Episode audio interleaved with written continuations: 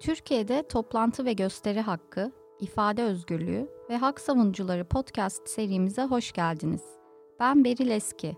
Eşit Haklar İçin İzleme Derneği, Hakikat, Adalet ve Hafıza Merkezi tarafından Hollanda Helsinki Komitesi desteğiyle hazırlanan ve Kısa Dalga Medya işbirliğiyle hayata geçirilen bu seride insan hakları alanında önemli çalışmalar yürüten akademisyen ve hak savunucularını ağırlayacağız. Ve Türkiye'de toplantı ve gösteri hakkı, ifade özgürlüğü ile hak savunucularının durumunu konuşacağız.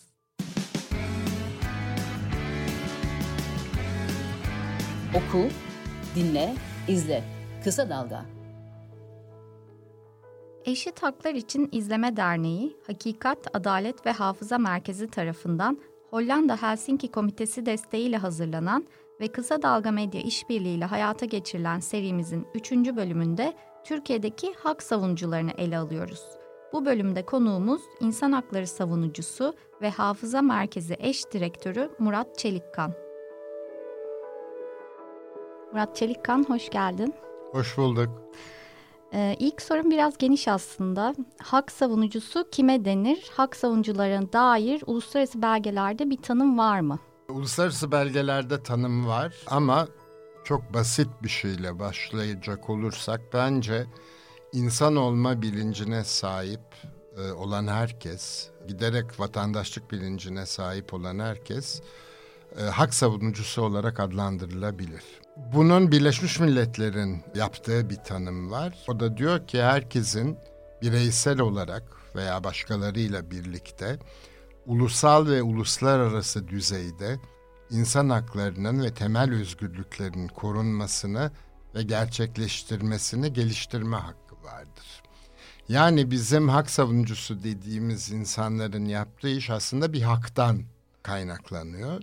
Belirttiğim gibi Birleşmiş Milletler'in böyle bir tanımı var. Hatta Birleşmiş Milletler İnsan Hakları Savunucularının Korunması Bildirgesi var 1998 tarihli 5 Aralık benim doğum günüme denk geliyor onun için önemsiyorum bunu.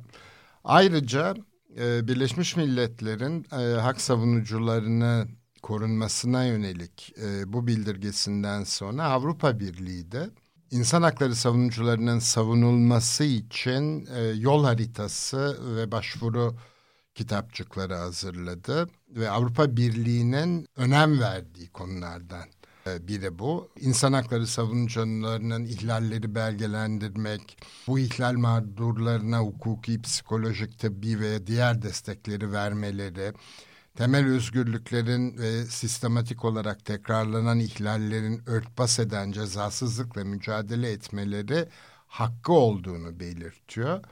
Bu da ortak dış ve güvenlik politikasının bir parçası Avrupa Birliği'nin.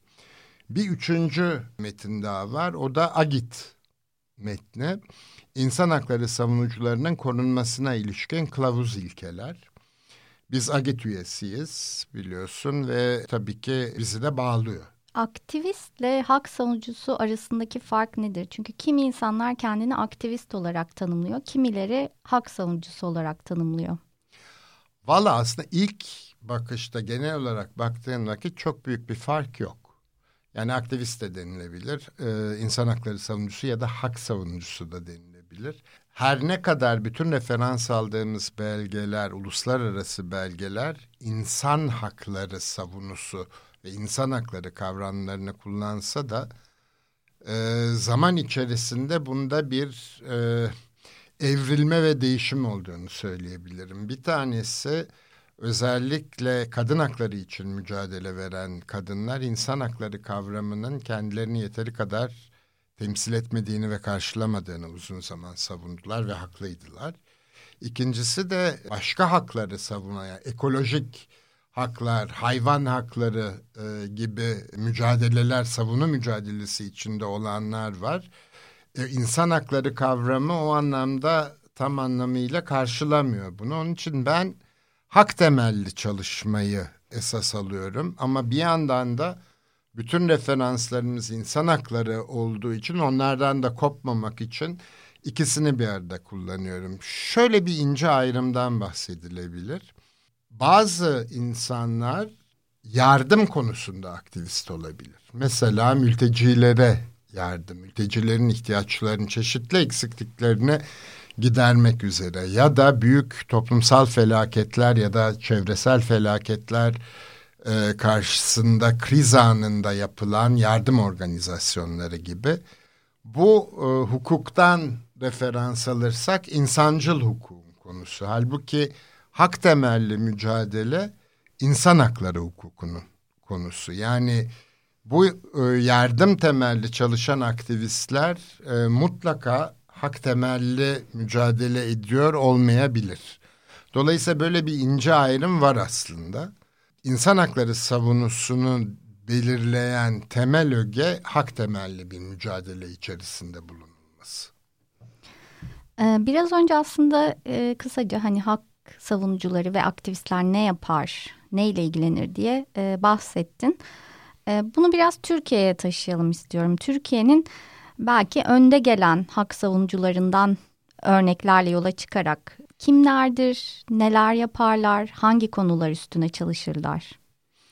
Şimdi tabii ki her alanda olduğu gibi bu alanda da e, öne çıkmış isimler var ve bu hak edilmiş bir öne çıkma ama insan hakları mücadelesinin de hak temelli mücadelenin de esas yürütücüleri isimsiz kahramanlardır.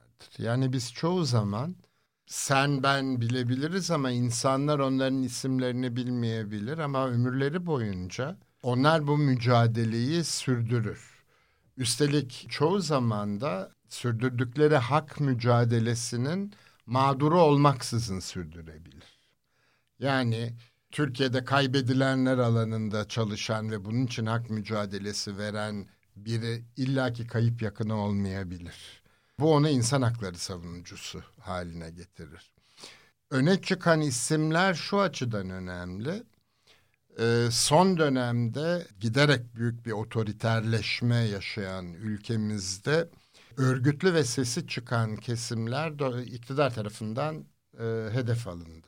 Tabii ki yargıyı ve güvenlik güçlerini bu anlamda söyleyebiliriz ama esas toplumsal olarak temsiliyet kabiliyeti olan mesela medya mensupları. Önce medya operasyonuyla e, başladı. Sonra akademisyenler, sonra barış bildirisine imza atılan akademisyenlerin tasfiyesi süreciyle e, böyle bir saldırı diyeceğim yaşandı. Şimdi de e, daha sonra da insan hakları savunucularına e, sıra geldi. Bilinen bütün isimler yani Eren Keskin, Şebnem Korur Fincancı, Öztürk Dürtdoğan bu gibi isimler ki bunlar Türkiye'de insan hakları mücadelesinde çok önemli köşe taşları ve temeli oluşturan kurumların yöneticileri hedef alındı.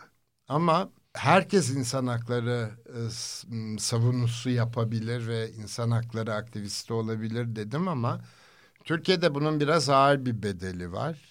Özellikle İnsan Hakları Derneği'nin tek insan hakları kuruluşu olduğu yıllarda yani e, 80'li yılların sonundan itibaren e, çok sayıda e, insan hakları savunucusu ve İnsan Hakları Derneği yöneticisi öldürüldü Türkiye'de.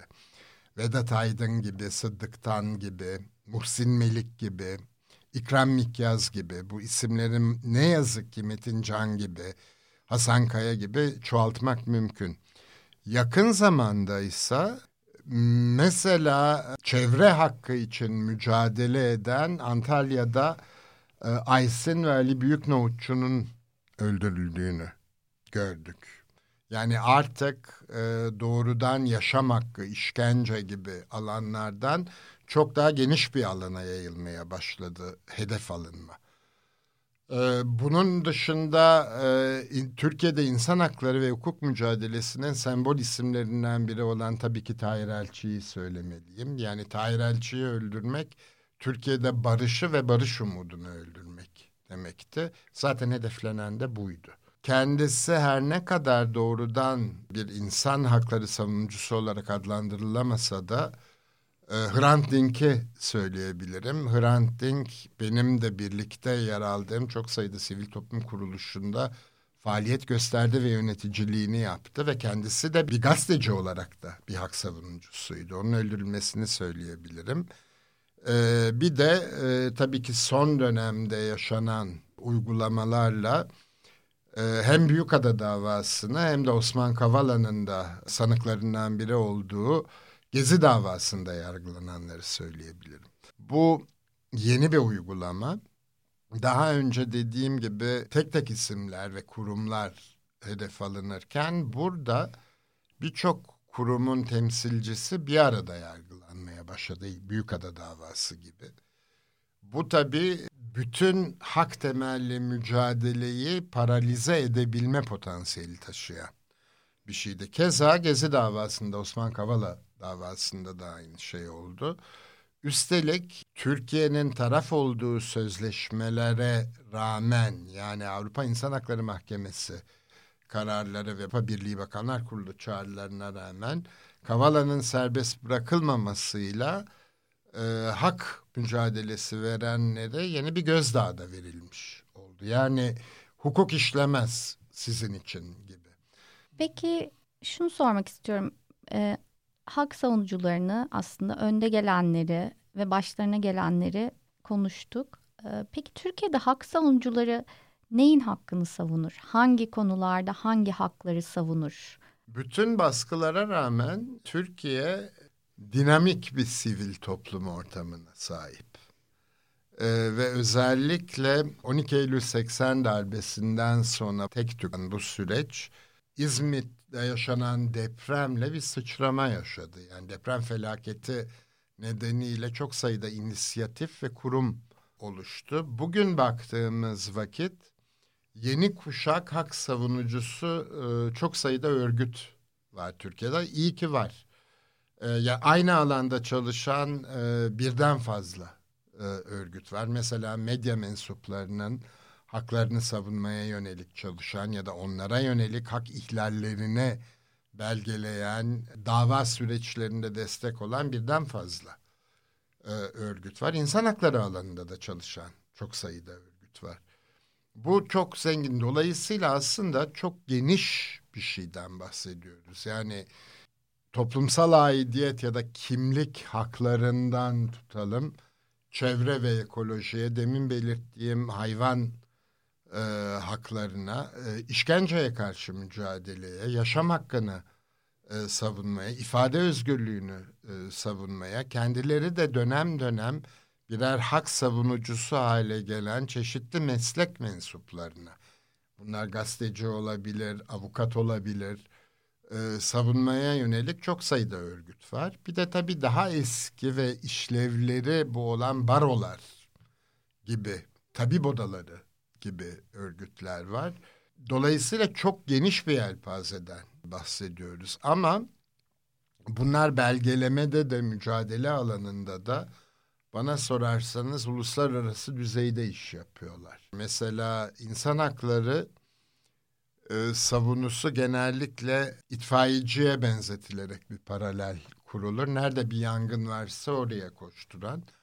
Ama e, geleceğe ve geçmişe yönelik çalışma yapan kurumlar da var. Geçmişle yüzleşme üzerine çalışma yapan kurumlar var. 1980'lerde başlayan insan hakları hareketinin yaşlandığına ilişkin tespitler vardı. Ama ben bugün bakıyorum özellikle yeni kurulan örgütlerle e, yaş ortalaması iyi ki çok aşağıya çekilmiş bir durumda. Üstelik bu insanlar, gençler e, sadece örgüt çalışanı, aktivisti olarak değil, örgüt yöneticisi olarak da görev yapabiliyorlar. Bu da çok büyük bir kazanım bence. Hak savunucularına yönelik çeşitli tehditler var. Bunlar işte ifade özgürlüklerinin kısıtlanmasından hapis cezasına, uzun yargılamalara hatta ölüme varana dek e, geniş bir yelpazede.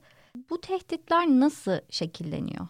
Yani içeriye göre, kişiye göre değişiyor mu? Örneğin Türkiye'ye baktığımızda hani farklı bölgeler var ve farklı bölgelerde insanların hakları yaşadığı bölgeye göre kısıtlanabiliyor. Buna şahit oluyoruz.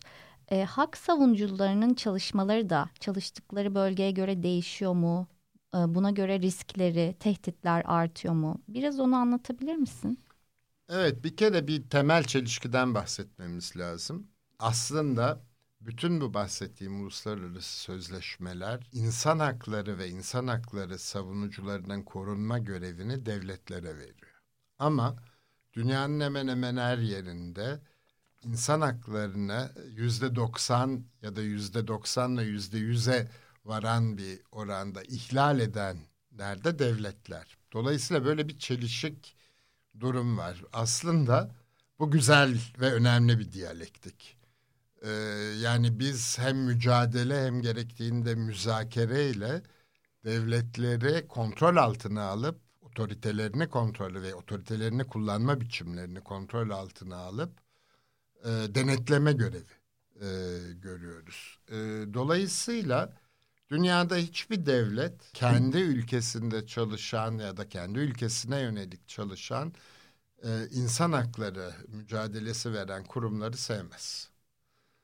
Ama bu sevmemenin tabii ki çeşitli düzeyleri var. Yani sevmeseler de aynı masaya oturanlar var. Ee, sevmeseler de söylediklerini aynı masaya oturmasalar da kale alanlar var. Kale almamaya çalışanlar var. Bir de hedef alanlar var. Türkiye bugünkü tablo itibariyle e, hedef alan ülkeler konumunda insan hakları savunucularını ve hak savunucularını. Bunun örneklerine e, kadın eylemlerinden yani İstanbul Sözleşmesi'nin savunulmasına yönelik kadın eylemlerinden madenlere karşı verilen çevresel mücadeledeki yer alanlara kadar her alanda görüyoruz. Orantısız bir güç ve şiddetle bastırılmaya çalışılıyor ama buna rağmen bitmiyor. Tabii ki bazı konular diğerlerine göre daha tehlikeli addediliyor olabilir. Dev, özellikle Türkiye'de Türkiye Cumhuriyeti ile yaşıt olan ve Cumhuriyet'in kurucu unsurlarından biri olduğunu söyleyebileceğim devlet görevlilerinin cezasızlığı meselesi tehlikeli bir mesele tabii.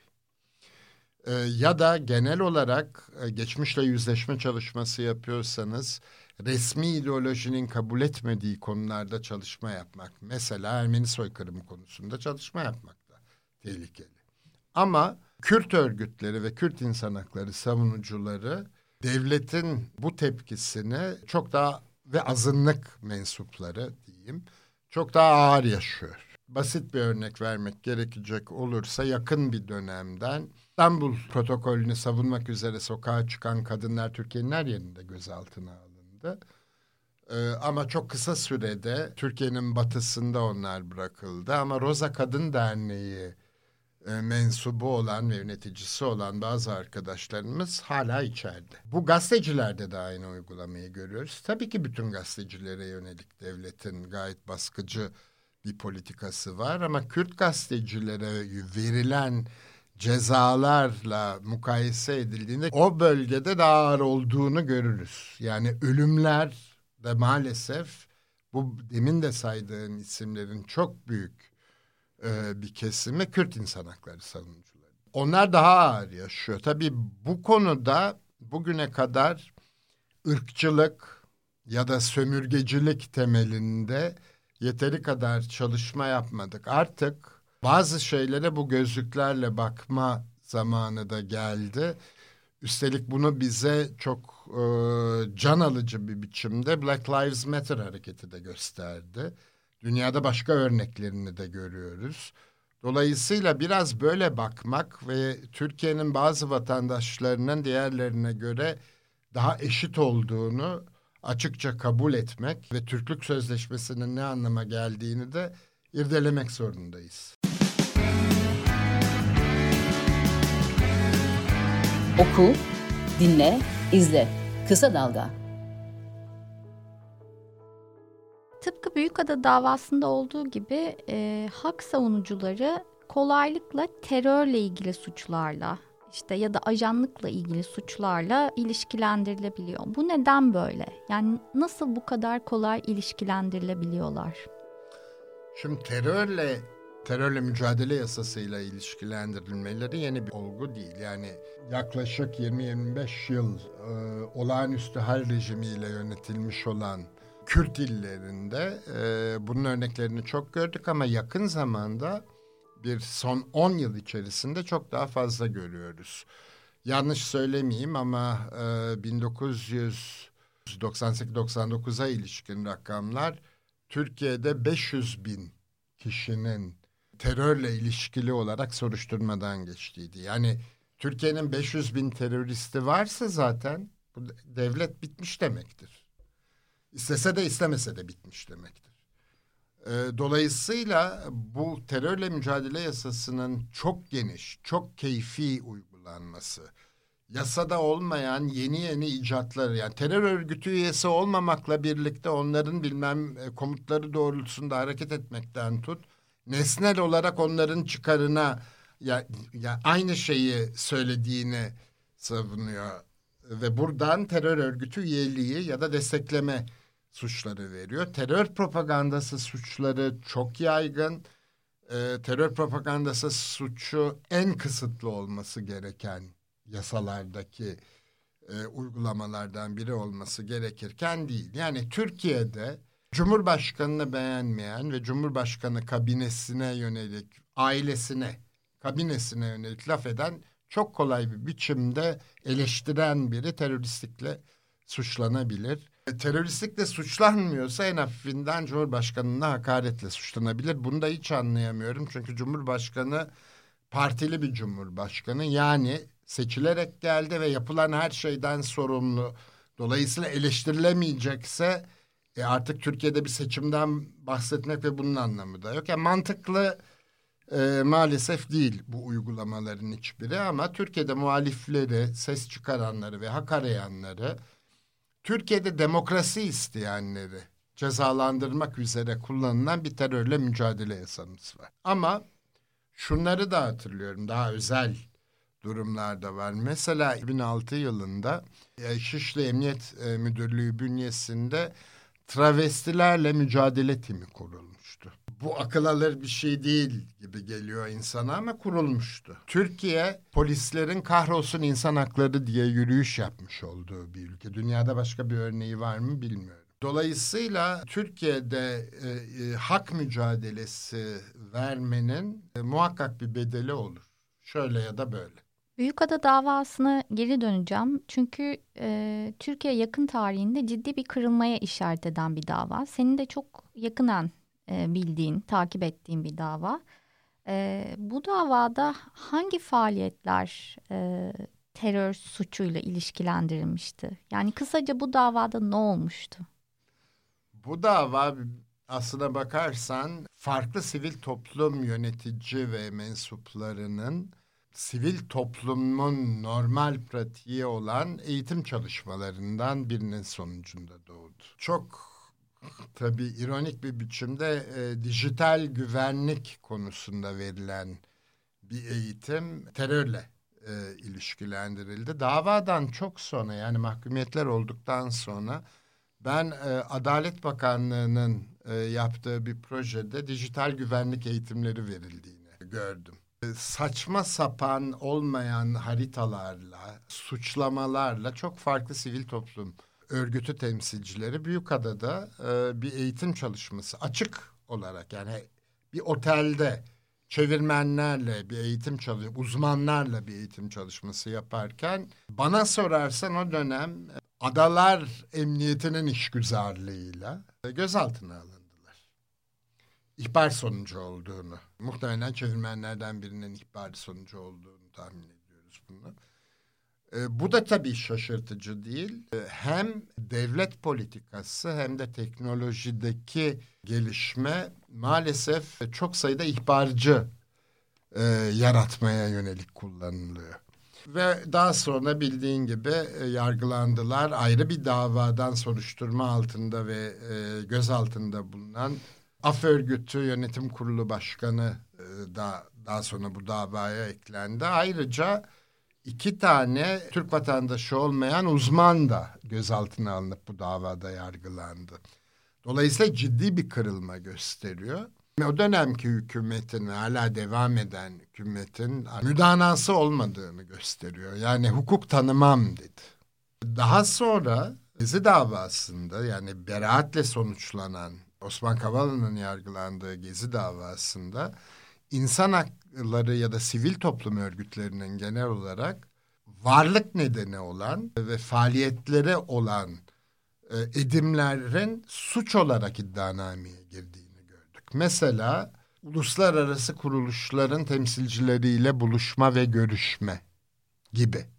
E, insan hakları e, evrenseldir ve bizim de tabi olduğumuz anayasanın da güvencesi altında olan insan hakları da evrensel. Dolayısıyla bu evrensel bir mücadeledir. Belki algılanmayan, kendisine demokratik diyen ülkelerin katılımcı demokrasi gereği örgütlü olan sivil toplumla işbirliği ve onu karar süreçlerine katma pratiğine çok yabancı olmaktan kaynaklanıyor. Mevcut iktidarın e, bir e, siyaset 101 dersinde belki kırılması gereken politika ile uğraşanlar politika yapar gerisi politika yapmaz gibi siyaset aranını oldukça daraltıcı bir bakışı var. Bu da bundan kaynaklanıyor ama biz de e, beğenilsin ya da beğenilmesin insan hakları siyaseti yapıyoruz. Dolayısıyla bu siyasanın bir parçasıyız. Bütün sivil toplum kuruluşu olan örgütler. Böyle bir e, normal faaliyetlerin e, yurt dışından para alma, masak soruşturmalarına tabi olmaya başladı. Halbuki Türkiye Avrupa Birliği'nin özellikle tam üyeliğe destek olacak ülkelere verdiği bu tür uyum yardımlarının yüzde doksanını devlete harcadı. Yani bir ara İçişleri Bakanlığı ve Adalet Bakanlığı projelerinden geçilmiyor. Sivil toplum örgütü kullanınca sorun ama devlet kullanınca değil. Hala yenilenen e, mülteci sözleşmesinde Avrupa Birliği ile Avrupa Birliği'nden para alıyor Türkiye. Dolayısıyla bu pek yani hafsalanın alabileceği bir şey değil ama bunun örneklerini maalesef e, otoriter yöneticilere sahip rejimlerin hepsinde görüyoruz. Rusya'nın biliyorsun bir yabancı ajan yasası var. Sivil toplum kuruluşları eğer yurt dışından para alıyorsa kendilerini yabancı ajan olarak e, kaydettirmek e, zorundalar. Bütün bu otokratik liderler birbirlerinden çok hızlı öğreniyorlar ve çok benzer söylemlere sahipler. Hepsi yerli ve milli olduklarını iddia ediyor ama otokratlar arasında yerlilik ve millilik internasyonel. Sen de bir hak savunucusu olarak e, uzun yıllar gazetecilik yaptın. Daha sonra hak savunucusu e, olarak devam ettin. Yani hep aslında ön saflardaydın. E, nasıl bedeller ödedin? Şimdi birincisi herhangi bir bedel ödemek sizin bu tabii ki yıpratıcı bir iş.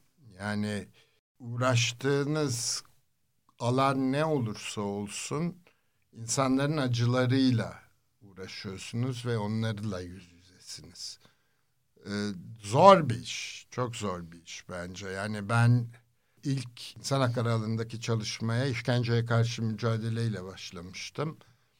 Zannediyorum yüzlerce kişinin ifadelerini kaydetmek ve çevirmek de o işim. Çok yıpratıcı ve çok insanı e, moralini bozucu olduğunu söyleyebilirim ama ben her zaman bunun e, hem herkes tarafından yapılabilecek bir iş olduğunu hem de e, benim kendime borcum olduğunu düşündüğüm için yaptım. Yani birine borçlu olduğum için değil, kendi tutarlılığım adına yapmam gerektiğini düşündüm. Hak savunuyorsan diğerlerinin haklarını da savunacaksın. Bir son dönemi e, söyleyeyim. Ee, özgür gündeme yönelik baskılar sırasında bir günlük Özgür Gündem yayın yönetim yönetmeni e, olma kampanyası sırasında 100 tane yazar, gazeteci, çeşitli mesleklerden insanlar bu görevi yürüttü. Yanlış hatırlamıyorsam e, 39'una bunların dava açıldı ve mahkum oldu dava açılanlar. Fakat cezaları ertelendi. Benimki e, ertelenmedi. Ee, mahkeme sırasında yeteri kadar pişmanlık göstermediğim e, gerekçesiyle. Çünkü ben o pozisyonu tabii ki savundum. Bu nedenle de 18 ay hapse mahkum oldum yaklaşık üç, üç buçuk ay yattıktan sonra bir yıl boyunca da denetimli serbestlik yani dört gün başta e, karakola gidip imza vererek haftanın dört günü devam etti. Fakat benden sonra Ayşe Düzkan da mahkum oldu ve cezaevine girdi. Belki bir Kürt gazetesine Kürt olmayandan destek verirseniz başınıza gelecek budur gözdağıydı Ayşe ile bana verilen. Ama değişen bir şey yok. Bugün olsa e, bugün yine yapılması gereken olduğuna e, inanıyorum ben bunun. E, tabii yani manasız bir şey. Yeni çocuk sahibi olduğum yani iki yaşındaydı bir dönemde. Çocuğun 3-4 ayını çalmış oldular. Buna biraz öfkeliyim ama onun dışında bir sorun olarak görmedim bunu. Tabii bir de eğer insan hakları savunucusu olarak tanınıyorsanız e yani insanlar sizi her alanda işe almak istemeyebilir. Yani bu başımıza bela olur diye düşünebilir. Bu yaşandı mı yaşanmadı mı bilmiyorum. Yani çeşitli iş başvurularında. Ee, ama ben yani ilk 12 Eylül askeri darbesinden sonra böyle bir yol seçmişim. Ee, hala çok memnunum. Peki son olarak Türkiye'de hak ve özgürlüklere yönelik artan baskıya rağmen e, hak savunucuları senin de bahsettiğin gibi çoğalarak işlerini yapmaya devam ediyorlar. Çok da dinamik, canlı bir ekoloji var diyebiliriz. Motivasyonları neler? Yani bu baskılar, tehditler, bedeller karşısında nasıl motive oluyorlar ve nasıl işlerine devam ediyorlar? Yani mutlaka çok farklı motivasyonlar var. Yani birincisi şunu söyleyeyim galiba eğer 2023'te bir seçim olursa Z kuşağı denilen bugün 20 yaşın altında olan 7,5 milyon kişi Türkiye'de ilk defa oy kullanacakmış. Bugünün e, gençlerinin beklentileri, öncelikleri, değerleri e, muhakkak ki e, kendilerinden öncekilerden baby boom denilen 60'ların 50'lerin kuşağından da farklılıklar gösteriyor. Siyasal ideolojileri ne olursa olsun daha önemli değerlerle yetiştiklerine inanıyorum. Bu önemli bir motivasyon. Yani bireysel olarak dahi kendi haklarına daha çok sahip olduklarını düşünüyorum. Sahip çıkmaya çalıştıklarını düşünüyorum. Bu bir motivasyon. Ee, bizim kuşağımız için askeri de içinde bulunduğumuz askeri darbeler ve onun yarattığı tahribatla mücadele önemli bir motivasyondu. Bazen insanın başına gelenler bir e, hak ihlalinin mağduru olması motivasyon olabiliyor. Bazen e, vicdanlı bir insan olarak yetiştirilmiş olmak yeterli bir motivasyon oluyor. Üstelik farklı kültürlerden, siyasal kültürlerden gelen insanların da e, hak temelli mücadelede ortaklaşabildiğini görüyoruz. Yani mesela Türkiye'de İslami temelden gelip çok önemli hak örgütlerinde önemli çalışmalar yapmış çok sayıda insan var. Eskiden çünkü insan hakları mücadelesi Türkiye'de sadece solculara atfedilirdi. Artık öyle değil. Artık çok farklı siyasal kesimler bu işe gönül koyuyor, baş koyuyor. Dolayısıyla bu motivasyonların farklı olduğunu düşünüyorum ben. Yaşadığınız koşullar ve coğrafya da bunda tabii ki çok etkili. Her gün ihlal gördüğünüz bir ortamda siz de bir şey yapmak istiyorsunuz. Bir de 24 Nisan Ermeni Soykırımı'nın yıl dönümünde bir gazete ilanı hatırlıyorum. Galiba bazı Ermeni yurttaşlarımızın verdiği bazı yaralar kapanmaz diye. Bazı yaralar kapanmaz. Eğer o yaralarla yüzleşmezseniz o ihlallerin kabulü olmazsa ve devlet o kabulle birlikte politika değişikliklerine ve önlem almaya gitmezse o yaralar kapanmıyor. Bunun en iyi örneklerinden bir tanesi de cumartesi insanlarının Galatasaray'daki e, mücadelelerine artık üç, üçüncü kuşakla devam ettiriyor. Bu yaraların kapanmaması da önemli motivasyonlardan biri diye düşünüyorum. İnsan hakları savunucularının da hak mücadelesi verenlerin en önemli silahı umuttur. E, çünkü umudumuz olmazsa nasıl bir dünya tahayyül ettiğimizi e, canlandıramayız e, kafamızda. O canlandırma olmayınca da mücadele edemeyiz. İkinci belki önemli silahlarından biri hafızadır. Yapılanları ve yaşananları hatırlamazsak yine mücadele azmimiz kırılabilir. E, hakikattir. E, bu tür e, mücadele alanlarını çok önemsiyorum. Dolayısıyla e, umutlu bitirmek e, isterim. Bu deminden beri bahsettiğimiz baskıya ve ihlallere uğrayanların artık bu sene motosu haline gelmiş bir cümleyle bitirmek isterim. Buradayız, bir yere gitmiyoruz. Peki. Murat Çelikkan programımıza katıldığın için çok teşekkürler. Ben teşekkür ederim.